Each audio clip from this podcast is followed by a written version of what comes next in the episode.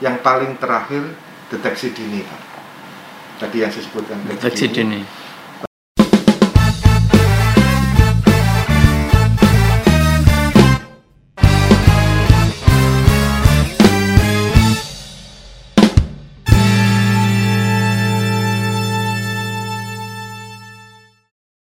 Assalamualaikum warahmatullahi wabarakatuh. Waalaikumsalam. Ya, selamat datang, selamat berjumpa kembali teman-teman Bangga Surabaya di podcast Bangga Surabaya.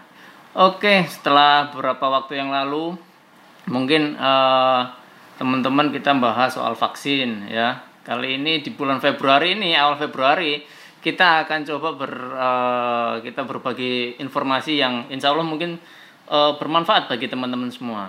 Eh, di bulan Februari ini eh, tentunya eh, ada rekan-rekan kita eh, yang nantinya akan apa ya membuat eh, suatu pekan ataupun bulan Bulan bulan eh, cancer kanker. dunia. Ya, jadi ya ma kalau kita selama ini kan bosen mungkin ya covid terus ya. Ternyata ini juga ada apa eh, sesuatu hal yang perlu kita perhatikan ya. Karena kanker ini juga eh, bukan penyakit yang apa ya.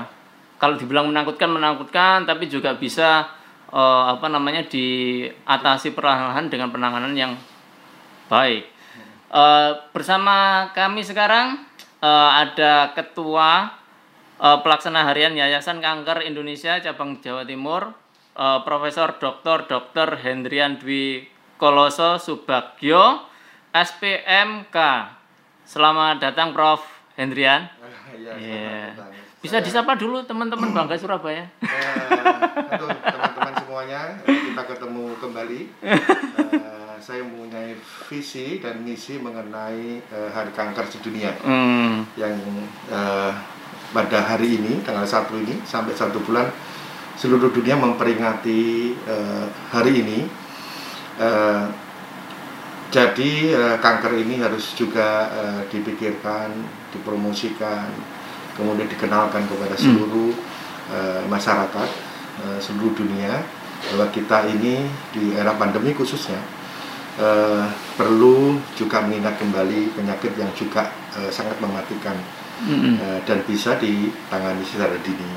Oleh sebab itu, eh, bagaimana menggabungkan antara era pandemi ini dengan deteksi dini dan mengenalkan gejala-gejala yang akan muncul pada orang itu eh, atau disebut dengan orang yang terkena kanker. Hmm. Itu yang perlu Iya.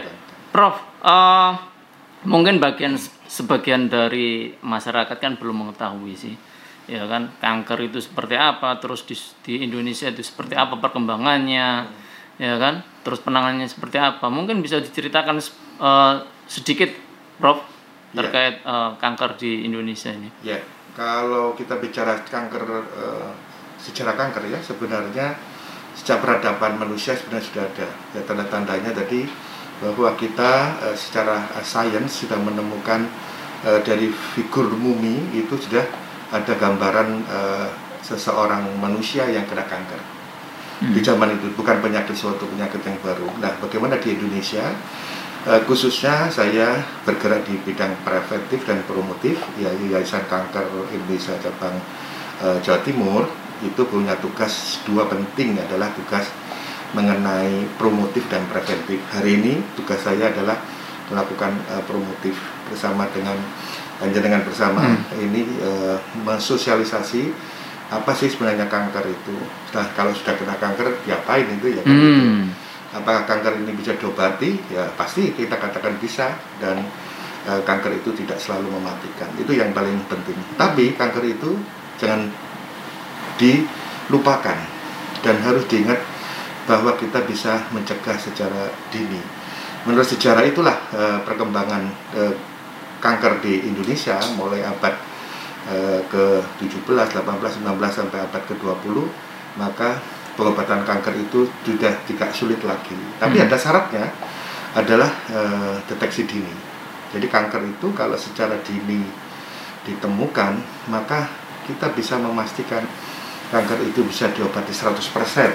Tidak seperti dulu, seperti eh, eh, waktu saya kecil itu eh, kanker itu eh, kalau sudah kena kanker kesannya difonis orang itu akan mati dengan Mm-mm. kanker. Ternyata tidak itu. Maka ada kunci-kuncinya, ada yang harus dikenalkan kepada semuanya yang ada eh, melihat hari ini nih. Iya. Hmm. Prof, oh, ya ini tadi agak belajar sedikit, Prof. Iya. Ya. Aw- Awal dewi ini kan bukan perawatan dokter ya, bukan anu tenaga kesehatan ya kan. Terus saya browsing-browsing. Tema di tahun 2021 ini eh, untuk Hari Kanker Sedunia ini I, wi- I am and I will. Ini maksudnya apa, Prof? Iya. Dulu kan kita we can, I Hmm. can ya. Sekarang I am and I will. Jadi saya ini Mm-mm. baik penderita kanker, bukan atau semuanya itu kalau memberi contoh cara kehidupan pencegahan kanker, cara hidup sehat, Hmm. kemudian olahraga rutin, itu akan disampaikan kepada seluruh stakeholder, Hmm. perorangan, Iya, iya. kelompok, semua masyarakat yang ada di eh, dunia ini. Eh, sekarang kan apa yang kita bicarakan ini bisa sedunia ini. Artinya apa yang kita bicarakan hari ini, ini akan berdampak eh, keseluruhan masyarakat bahwa apa yang kita kerjakan eh, untuk mencegah mendeteksi dini kanker itu akan dicontoh oleh sekelompok atau perorangan. Hmm. Itu yang disampaikan di eh, tema eh, di tahun ini. Oh, maksudnya itu ya, Prof ya. 2021, ya. Ah. I am. I am Saya, gitu ya. I am and I will. Oke. Saya- contoh saya memberikan semangat Iya. untuk itu. Karena memang eh, rekan-rekan kita yang mungkin eh, memiliki apa eh, ya dikaruniai penyakit seperti itu mungkin agak mentalitasnya agak Iya. seperti apa memang harus diberikan contoh seperti apa ya Prof ya. Para survivor itu yang kena itu juga memberi contoh semangat-semangat Hmm. pada seseorang sehingga eh, saya bisa mengalahkan kanker. Hmm.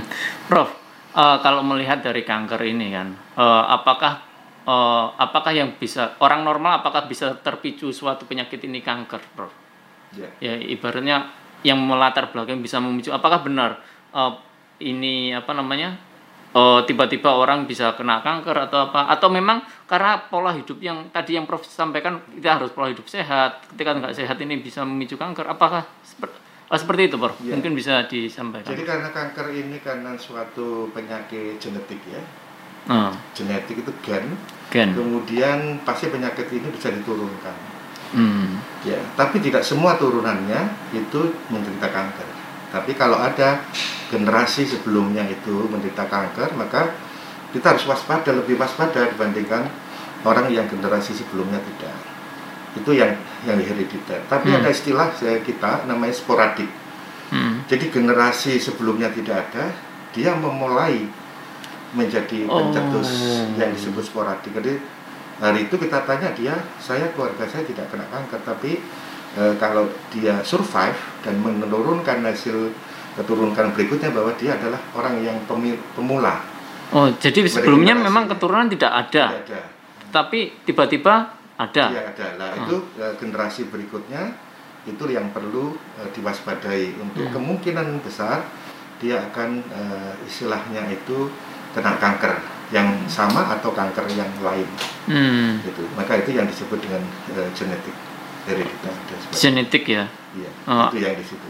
Apa ada maksudnya untuk genetik ini apakah terpengaruh dari faktor luar atau faktor dalam aja? Bagaimana? Banyak pengaruhnya ya. Hmm.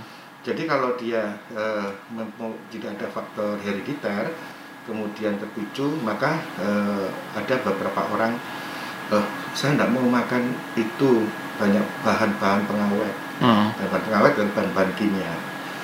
Kemudian eh, pemakaian secara eh, brutal gitu, insektisida dan sebagainya. Hmm. Hal-hal yang tidak begitu alami itu mem- memicu untuk eh, mutasi di eh, secara genetik pada organ kalau dia makan secara rutin terus menerus bertahun-tahun maka dia akan selnya akan berubah menjadi sel-sel yang tidak normal kemudian pemakaian radiasi jadi Hmm. sinar matahari, matahari itu bagus Hmm. tapi kalau terpapar sinar matahari yang berlebihan akan memicu terjadinya mutasi gen pada Hmm. organ yang terpapar. Termasuk radiasi-radiasi lain ya, radiasi-radiasi lain itu pegawai-pegawai yang kerja di eh, daerah-daerah radioaktif itu juga akan memicu seperti itu. Tapi ingat eh, obesitas itu gemuk itu punya resiko juga. Oh, gemuk juga. Iya, makanya juga eh, ini badannya bagus. ya, itu juga pola hidup eh, yang kurang baik. Tapi ini yang eh, dikatakan di- berhasil atau gagal belum tahu merokok itu tadi. Merokok. Merokok orang perokok itu punya risiko besar untuk terjadi kanker paru maupun kanker yang Hmm. lainnya. Itu eh, salah satu faktor-faktor penyebab eh, faktor double sisi terjadi eh, orang menjadi kanker. Nah, itu Hmm. harus dihindari. Ter- Juga ada beberapa virus yang juga memicu terjadi perubahan dari sel atau gen eh, itu juga akan menyebabkan eh, kanker Hmm. itu yang beberapa faktor-faktor yang harus dihindari dan harus di eh, istilahnya diantisipasi oleh orang tersebut kalau sering terpapar hal seperti itu. Iya, Prof. Tadi kan panjenengan kan bilang kalau radiasi. Lah, HP ini kan ya radiasi ini, Prof. Iya, Hmm. memang. Apa bisa Tapi menyebabkan juga? frekuensi yang beredar itu sudah aman. Oh. Tapi kita tetap mengatakan frekuensi aman yang berulang-ulang itu juga harus diwaspadai. Hmm. karena ditemukan beberapa jurnal yang itu memicu eh, salah satunya eh, kanker meningen. Meningen itu selaput dari otak atau meningioma. Ada satu jurnal yang mengatakan kan dipakai di sini ya. Iya. Ini memicu eh, istilahnya eh, tumor meningen. Jadi meningen selaput dari eh, rongga eh, otak itu. Ya itu ada dan beberapa cancer lain. Maka itu harus harus selalu hati-hati dengan perubahan teknologi, Oh. penggunaan sesuatu yang kira-kira tidak natural gitu. Iya. Maka kuncinya memang deteksi dini, mengetahui jalan tanda-tanda yang harus eh, dipahami dan eh, mengatakan ini aku ada perubahan ini di dalam eh, kehidupan saya. Oh, gitu ya. Iku Pak apa meningan itu Dok? Selaput Selaput meningan. Otak. Selaput otak. namanya meningium. Iku paling HP-mu Bim, iku kakean mbok gawe turu, ya hati-hati ya jadi gawe turu. Kata Prof Hendrian Iya. tadi ya perubahan di selaput otak. Hati-hati, HP iya. buat telepon jadi gawe turu. Prof, Ya, eh apa ini kan kalau kita bicara sebenarnya tadi Prof bilang kalau kita harus eh, sadar ya. Ibaratnya kita harus eh, apa namanya peduli sama diri kita. Cara mendeteksinya perlahan gimana? Soalnya gini tuh Prof. Eh, ya ini saya cerita saja bahwa mertua saya itu meninggal juga karena kanker. Dan tidak tahu tiba-tiba sudah stadium 3 atau stadium 4 Eh, sudah sudah. Ya kita cuma bisa berdoa kepada Tuhan yang Maha Kuasa. Lah ini kan ibaratnya kan mungkin ya, sebagai pengetahuan untuk teman-teman bangsa Surabaya. Eh, mengeceknya itu seperti apa terus kita harus apa yang harus dilakukan gimana dong Mm-mm. Prof. Jadi ada yang eh, disosialisasikan dengan mudah ya. Kadang-kadang kita ke pusat-pusat layanan kesehatan itu ada kalimat waspada itu. hmm. Waspada itu ada singkatan ya. Itu yang paling mudah di, diterima. Eh, waspada itu misalnya eh, buang air besar. Hmm. Buang air besar itu ada eh, ketidaknormalan. Misalnya sering mencret, oh. Gitu sembeli terus. Ke obstipasi istilahnya. Dia terganggu berhari-hari seperti itu. Hati waspada dengan eh, hal-hal yang menyangkut dengan eh, kanker saluran cerna. Hmm. ya, kemudian eh, biasa kita makan minum kan enak gitu ya. Hmm. masuk ke di dalam rongga saluran cerna kita enak. Yang sulit menelan gitu ya. Hmm. sulit menelan kok sering sulit eh, tersedak bahkan dan sebagainya itu juga hati-hati eh, eh, kanker kanker di sekitar saluran cerna tenggorokan kerongkongan dan sebagainya Hmm, di hmm. situ kemudian perubahan suara bahkan Hmm. orang lain mengatakan loh suaramu kok jadi sengau ya, Hmm. sering mimisan dan kemudian perdarahan Hmm. itu juga harus hati-hati perdarahan di semua eh, organ itu baik itu mimisan ludahnya atau batuk ada darahnya kemudian Hmm. kencing ada darahnya atau buang air besar ada darahnya itu harus diwaspadai hal, -hal seperti itu hal yang tidak normal di Hmm. dalam eh, itu kemudian luka yang tidak sembuh-sembuh luka itu pasti harus sembuh gitu ya Hmm. kata jangan terus mengatakan oh ini diabetes saya tidak sembuh-sembuh itu beda lagi Iya, iya, iya. eh, luka yang tidak sembuh harus dikonotasikan dulu dengan gejala-gejala seperti ini harus sembuh andeng-andeng ya tai lalat itu membuat orang cantik tapi tai lalat yang berubah strukturnya kemudian tambah membesar apalagi yang berdungkul-dungkul. Berdungkul-dungkul itu tidak halus permukaannya. Kemudian ada perdarahan lagi seperti jadi e, borok. Nah itu juga suatu pemicu atau e, tanda dini dari kanker andeng-andeng atau tai Oh. kayak gitu-gitu itu sebenarnya harus diwaspadai oleh kita semua. Benjolan. Benjolan. ya benjolan itu e, normal orang e, tidak ada benjolan yang tidak normal di seluruh tubuh jadi yang tidak ada kankernya itu hanya rambut dan kuku Oh. Ya, kalau iya, iya. ada benjolan di rambut berarti ada tumornya itu ya. Iya. Beda, ya kan, ya.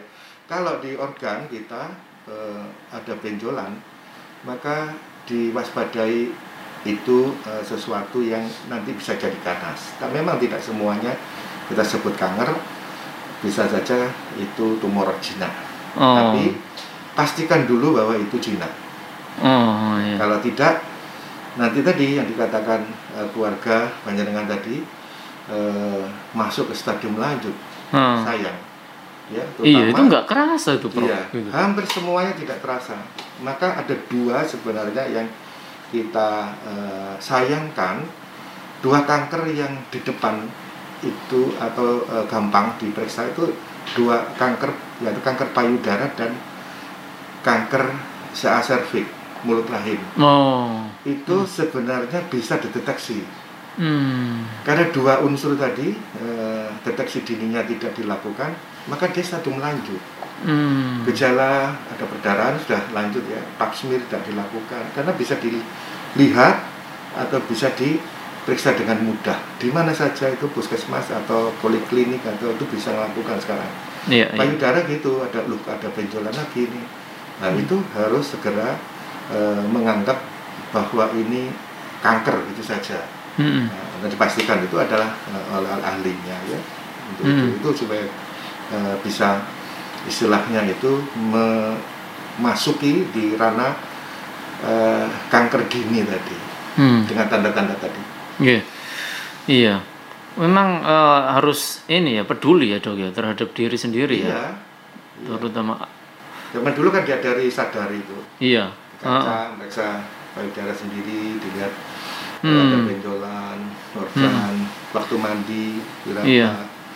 kadang-kadang saat terasa tidak sengaja tukang potong lupa ada benjolannya Oh, Kadang-kadang- tukang potong rambut. iya Oh. yang suka eh, pijat gitu ya Hah? pijat oleh keluarganya pak ada benjolannya nah itu hal, -hal seperti itu Tapi kadang tukang pijet ngurut-ngurut ini. Oh, ini iya. anu, Pak. Oh, iya. Uratnya anu, padahal benjolan anu beda. Iya, beda. beda. hal-hal seperti itu yang harus diperhatikan Iya.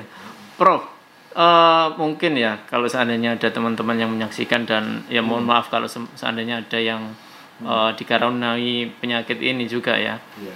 eh, lagi diberikan ujian juga. eh, ini apa yang harus dilakukan sebagai pribadi yang menderita penyakit itu, Dok? Ya, Prof. kalau dia kena gitu ya. Iya. Yang penting menurut saya eh, ada beberapa tipsnya. Tips itu memilih dokter itu harus tepat. Hmm. Karena saya seorang eh, dokter mata tapi fokus di bidang onkologi. Hmm. Jadi untuk memastikan ini kanker memang harus seorang ahli kanker. Ya, karena kalau sampai itu dianggap biasa, maka akan menjadi fatal. Maka kita tidak masuk, tidak bisa masuk ke stadium dini tadi, dianggap biasa-biasa. Maka memilih dokter, jadi pastikan bahwa kanker itu eh, bukan kanker. Benjolan itu bukan bukan kanker. Atau itu, Hmm. itu memilih itu. Kedua, eh, pola hidup kita Pak, harus dirubah. Setelah kita menjadi kanker, pola hidup kita tadi obesitas penyebab utama. Maka pasti makan-makan yang kita makan itu ya kurang lemak, Hmm. daging-daging warna merah atau yang eh, berminyak atau yang kira-kira kolesterol tinggi ya gitu Iya, ya iya, itu harus dikurangi karena itu memang eh, termasuk faktor penyebab Hmm. ya biasakan sayur dan sebagainya pola-pola hidup seperti Hmm. itu tingkatkan imun terus kemudian istirahat cukup kelola Hmm. stres dan sebagainya ini penting orang didiagnosa kanker itu sama dengan diagnosa COVID Pak sekarang. Oh, iya iya. Orang biasa eh, kanker itu wah, menakutkan sekali. Kita yakin bahwa eh, ti- tidak salah orang itu berpikir itu, tapi Hmm. tata kelola untuk menghindari stres ini harus juga didampingi oleh keluarga Hmm. terdekat, saudara, adik kakak, orang tua dan sebagainya untuk mensupport dia bahwa ini bisa diobati. Bisa diobati loh. Iya. Oh. Gitu. bisa diobati dan bisa survive dan yakin meninggalnya bukan karena kanker. Hmm, hmm, Jadi tidak perlu ya, stres tadi ya. Stres itu akan menyebabkan jatuhnya dia ke dalam fase gangguan sistem tubuh. Sama sebenarnya seperti eh, COVID pandemi ini. Hmm. Orang bingung ya kan eh, karena dia diisolasi kanan kiri merasa terasing itu, nah, kelola stres ini jadi nomor satu. Iya, tapi yang jelas kan kanker ini kan tidak men- menularkan secara fisik ya. Mm, beda. Ya, jadi memang kita harus memberikan perhatian kalau seandainya ada saudara kita, teman kita seperti itu. ya. Sebenarnya ini eh, pengobatannya apakah ada metode yang apakah harus kalau sepengetahuan saya ini harus kemo? Apakah ada lain, Prof? Iya. Mungkin yang Eh, untuk bisa eh, kita bagi dua ya misalnya ada kanker yang berupa benjolan gitu Hmm, dan kanker yang bukan gitu aja ya. Kalau kanker itu bukan benjolan obatnya memang surgery. Diambil. Diambil ya. diambil makin dini dia maka eh, kan kanker itu dilambangkan kepiting itu ya. Oh, kalau dia iya. mencengkram mencengkram gini kita harus ngambil dengan supit-supitnya itu. Hmm. Artinya tidak ada boleh ada sisa di situ. Mencekram, nanti akarnya begitu tidak boleh sisa. Maka dia makin dini akarnya tidak jauh, Oh, ya tidak menyebar ke mana-mana. Itu kalau dia diangkat 100% dia tereliminasi, hilang lah. Nah, berarti kankernya ya, itu eh, tidak ada lagi di orang itu. Hmm. Nah, Stadium dini penting. Terus kanker-kanker yang menyangkut kanker darah, kanker Hmm, hmm, dan sebagainya, hmm. itu biasanya tidak diambil, diambil hanya suatu biopsi. Eh, itu kemudian dilakukan pengobatan berbagai macam, salah satu kemoterapi tadi. Hmm. Sedangkan pada kanker yang bentuk benjolan, kadang-kadang ada tambahan, ya, namanya terapi neoadjuvan gitu. Dilakukan terapi kemoterapi plus eh, radioterapi ini tergantung protokol jenisnya. Jadi jadi kanker itu tidak semuanya eh, baik di eh, kemo, artinya resisten. Hmm. Jadi tidak ada satupun literatur mengatakan bahwa kalau di kemo baik gitu ya. Nah, gitu. Artinya mbak mempan percuma berarti tidak di kemo. Ya kan gitu. Sebaliknya ada kanker yang eh, sangat sensitif dengan kemoterapi maka dia eh, bagus dengan kemoterapi. Ah, kemudian radioterapi. Iya. ya itu ada kombinasi itu. Itu semua protokol jadi disesuaikan dengan jenis kankernya.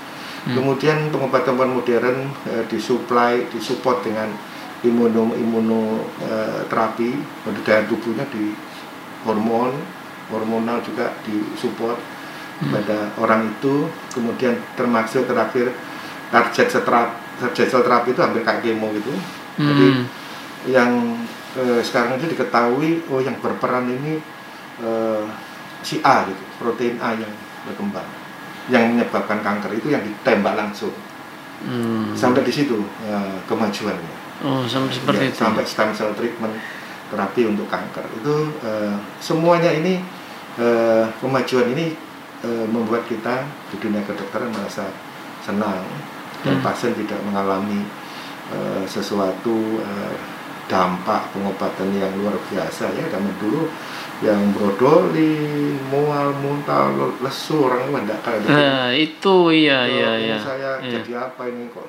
Nah, ini kan ada anggapan bahwa kan ibaratnya kan ketika seseorang terus di apa namanya men- eh, menderita seperti itu terus kan mereka ada omongan di antar keluarganya atau tetangganya, "Oh, kamu kalau apa oh, diobati itu efeknya itu bisa lebih parah loh daripada ini." itu benar gak sih, Ya, Dok? itu tidak benar. Hmm. Maka protokol-protokol itu eh, itu eh, sekarang sudah baik. Nah, ya tadi harus ditentukan benar ini kankernya apa, Hmm. kemudian obatnya itu ini. Memang Hmm. ada kanker yang sampai sekarang itu belum pasti eh, artinya eh, protokolnya atau harapan hidupnya itu rendah, yaitu yang jadi persoalannya. Hmm. Dari kan ribuan eh, jenis kanker itu ada beberapa kanker yang masih eh, trial, jadi Hmm. studinya itu eh, istilahnya harapan hidupnya rendah. Tapi hampir semua kanker-kanker yang sudah berkembang sekarang ini sudah bisa diatasi. Syaratnya memang jangan sampai masuk ke stadium lanjut. Hmm. Artinya stadium lanjut semua organ terkena atau organ-organ vital terkena. Oh. Jadi itu sulit eh, dikendalikan dan eh, menyebabkan gagal fungsi. Iya. Hingga saat ini, Prof, eh, eh, harapan hidup kira-kira berapa persen, Prof, untuk a- tingkat kesembuhan? Iya.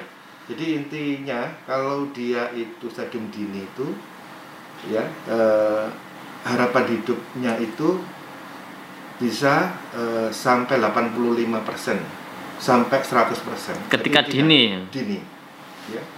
Kemudian kalau stadium 4 ya eh, beberapa kanker Kalau ya, dua-dua dok, tadi kan satu ya Ya, ibaratnya. Kira-kira eh, derajatnya itu eh, sampai stadium 2 44 persen, kemudian stadium 3 34 persen. Hmm. Ya. Jadi tergantung. Jadi ini stadium makin tinggi, maka harapan hidupnya makin rendah. Hmm, stadium makin tinggi harapan. Tapi ada dong dok yang masih bisa itu ya. Bisa. masih apa? Iya. Bisa sembuh ya. Ya jadi 34 persen tadi kan anggap aja 40 persen, yang Hmm. 60 persen kan sembuh. Oh, Tapi yang 60 dihitung survivor rate 5 tahun. Hmm. Sekarang itu. Ketika sudah sembuh dok, ibaratnya kan apakah ini benar-benar sembuh atau karena kan gini, ketika apa bilang sama lah ibaratnya kayak covid, oh saya sudah kena covid dan saya sembuh terus saya enaknya dunia kan sudah kena lagi. Apakah kanker juga seperti itu? Ya, jadi hitungannya adalah lima tahun. Oh. Jadi jaminan hidup lima tahun. Oh, ketika sudah dilakukan pengobatan, Nah, pengobatan, kemudian tadi angka tadi terus kepitingnya itu sudah diambil, angka lima tahun. oh lima tahun ya. Setelah lima tahun, eh, literatur-literatur lain belum mereview yang itu. Hmm, Dikatakan ya bonus gitu.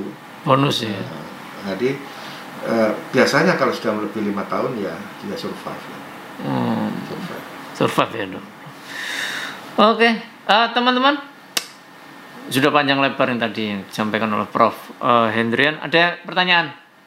Prof, tanya Prof. Kru, kru. Ya. Hmm. Nah, ini bisa dikasih contoh nggak ke teman-teman milenial ini kira-kira apa sih jenis-jenis makanan tadi kan sempat disinggung sayuran nah mungkin bisa lebih spesifik makanan apa yang bisa dikonsumsi untuk meminimalisir terkena kanker ini Iya, soalnya kan arek enom iki, Prof. Mangan iku ngawur, ya ya.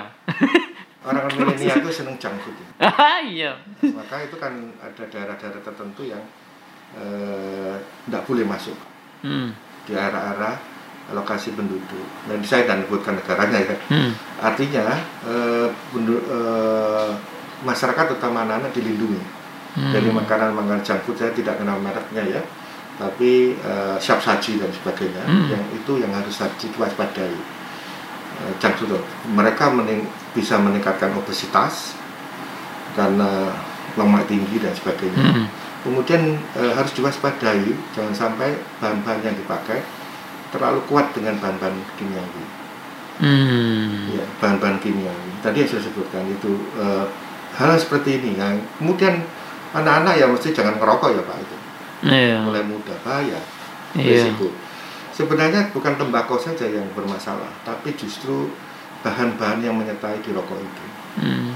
yang disebut kaldunya tadi, yang Hmm. menyebabkan terjadi mutasi pada organ dan eh, asapnya tadi, eh, asapnya tadi akan memicu terjadi iritasi terus-menerus kronis menjadi eh, perubahan di saluran nafas yang pasti yang ending terakhirnya terbanyak adalah kanker paru-paru. Hmm. Sangat berat pak kanker paru-paru seperti kena covid, Iya. nggak bisa nafas tapi Beri memicu ya, ibaratnya kan ya apa? Eh, setiap manusia kan ada yang tadi jenengan sampaikan ada memiliki tumor ya. iya. Ya kan, tumor Dan itu dipicu karakter. apa enggak gitu ya. Iya. Kemudian jangan lupa olahraga ya nih di era pandemi pak. Hmm. Eh, saya lihat agak berkurang eh, anak-anak ya eh, di dunia luar ya baik di rumah memang bagus untuk pencegahan tapi tetap olahraga dijaga Hmm. Eh, exercise untuk eh, aktivitas sehari-hari. Minimal berapa dok satu Prof satu Ya, hari berapa menit ya? Rutin 30 menit cukup pak. 30 menit cukup ya Iya, Prof ya. apalagi bisa mencapai lebih Hmm. eh, malah eh, bagus. Tapi yang Hmm. penting rutinitas itu perlu dilakukan. Hmm. Makan-makan yang banyak mengandung kimia, bahan-bahan kimia, termasuk minuman ya kan Hmm. perlu juga harus eh, soft drink soft drink itu juga harus hati-hati Iya. di situ itu yang yang saya harapkan eh, kembali ke natural tadi Hmm. perlu ya. nah sekarang kan dikembangkan menanam sayur ya sama Bu Wali Kota Lama ya Bu. Hmm. menanam sayur di rumah dan sebagainya itu Hmm.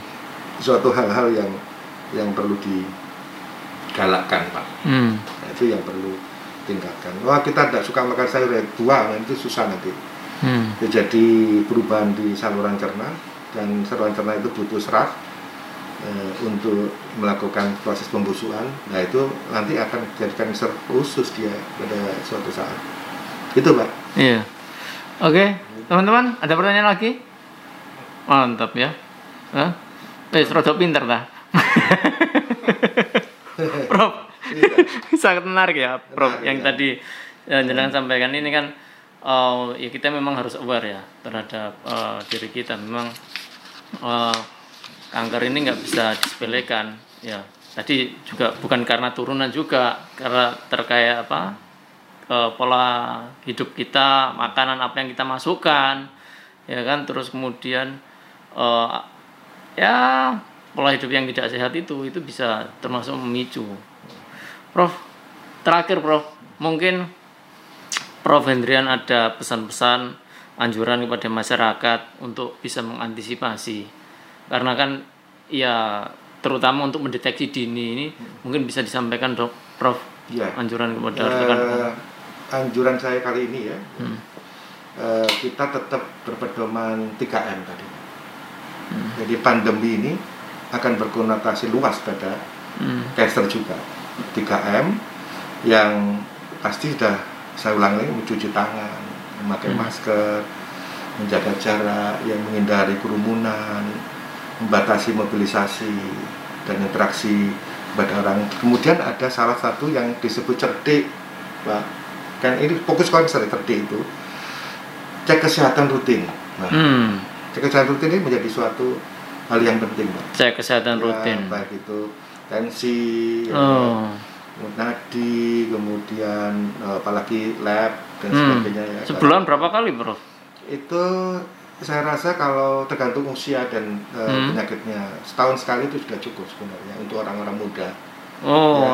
Eh, itu penting walaupun itu darah lengkap urin lengkap dari situ sudah bisa tahu Hmm. se- screening lah gitu ya Iya. tensinya dan sebagainya kemudian eh, ini nyakar asap rokok Hmm. asap rokok ini menjadi suatu eh, yang eh, ditakuti ya oleh kita kemudian rajin olahraga dari Hmm. cerdik dikatakan itu kemudian dia seimbang tadi dia seimbang istirahat cukup kemudian kelola stres ya kelola stres ini jadi sulit yang paling terakhir deteksi dini Pak.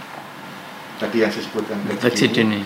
pada eh, eh, ibu-ibu khususnya yang sudah eh, berkeluarga Hmm. setelah pernah hubungan seksual harus dilakukan pap smear Hmm. Pak. paling minimal setahun sekali pak Hmm. ya, kemudian Memang yang paling banyak di, Iya. di kalangan ibu-ibu ya. Cervix. ibu-ibu ini eh, kasihan sebenarnya jadi kanker terbanyak itu ibu-ibu Hmm. kemudian eh, sadari periksa diri sendiri eh, terutama benjolan di area payudara itu yang paling banyak juga nah Hmm. itu deteksi dini ya.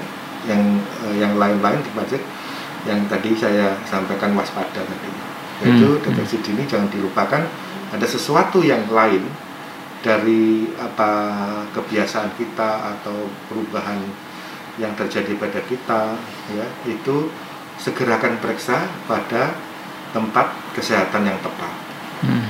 jadi itu yang yang saya wanti-wantikan ini di era pandemi covid jangan sampai masuk stadium lanjut karena Hmm. covid dan stadium lanjut Iya. Hmm. Itu Oke, itu dia teman-teman Bangga Surabaya. Eh, dialog podcast bersama Prof. Hendriawan Dwi Loksono Subagio. Ya, Em, ada beberapa poin yang bisa kita ambil ya, terutama terkait penyakit kanker ini. Yang paling penting adalah kita bisa mendeteksi dini dan kita perlu untuk menjaga terhadap pola hidup kita, ya kan? Terutama di masa pandemi ini, tadi Prof sampaikan bahwa 3M itu tetap eh, poin 5M, utama. 5M. 5M. Tambah Ya, dua. Tambah 5M. Ah. Karena apa? Ya dengan menerapkan 5M ini kita juga bisa mencegah dari kanker ini terkontaminasi lebih cepat. Ya kan kita menjadi lebih higienis, kita lebih uh, aware terhadap uh, kebersihan seperti itu. Oke, terima kasih uh, Pak Prof Drian. Hendrian. Wah, gak apal-apal. perlu perlu komunikasi lagi. Iya, mungkin Perlu ada eh, season-season berikutnya. Iya. Terima kasih Prof sudah um, apa hadir di podcast Bangga Surabaya. Ya, kita berharap ini bisa bermanfaat untuk teman-teman kita Amin, amin. dan pengetahuan untuk teman-teman kita yang mungkin eh, sedang diberikan karunia atau ujian oleh eh, Tuhan Yang Maha Kuasa terhadap penyakit kanker ini. Oke teman-teman, sampai jumpa di podcast Bangga Surabaya. Eh, salam sehat. Eh, wassalamualaikum warahmatullahi wabarakatuh. Waalaikumsalam.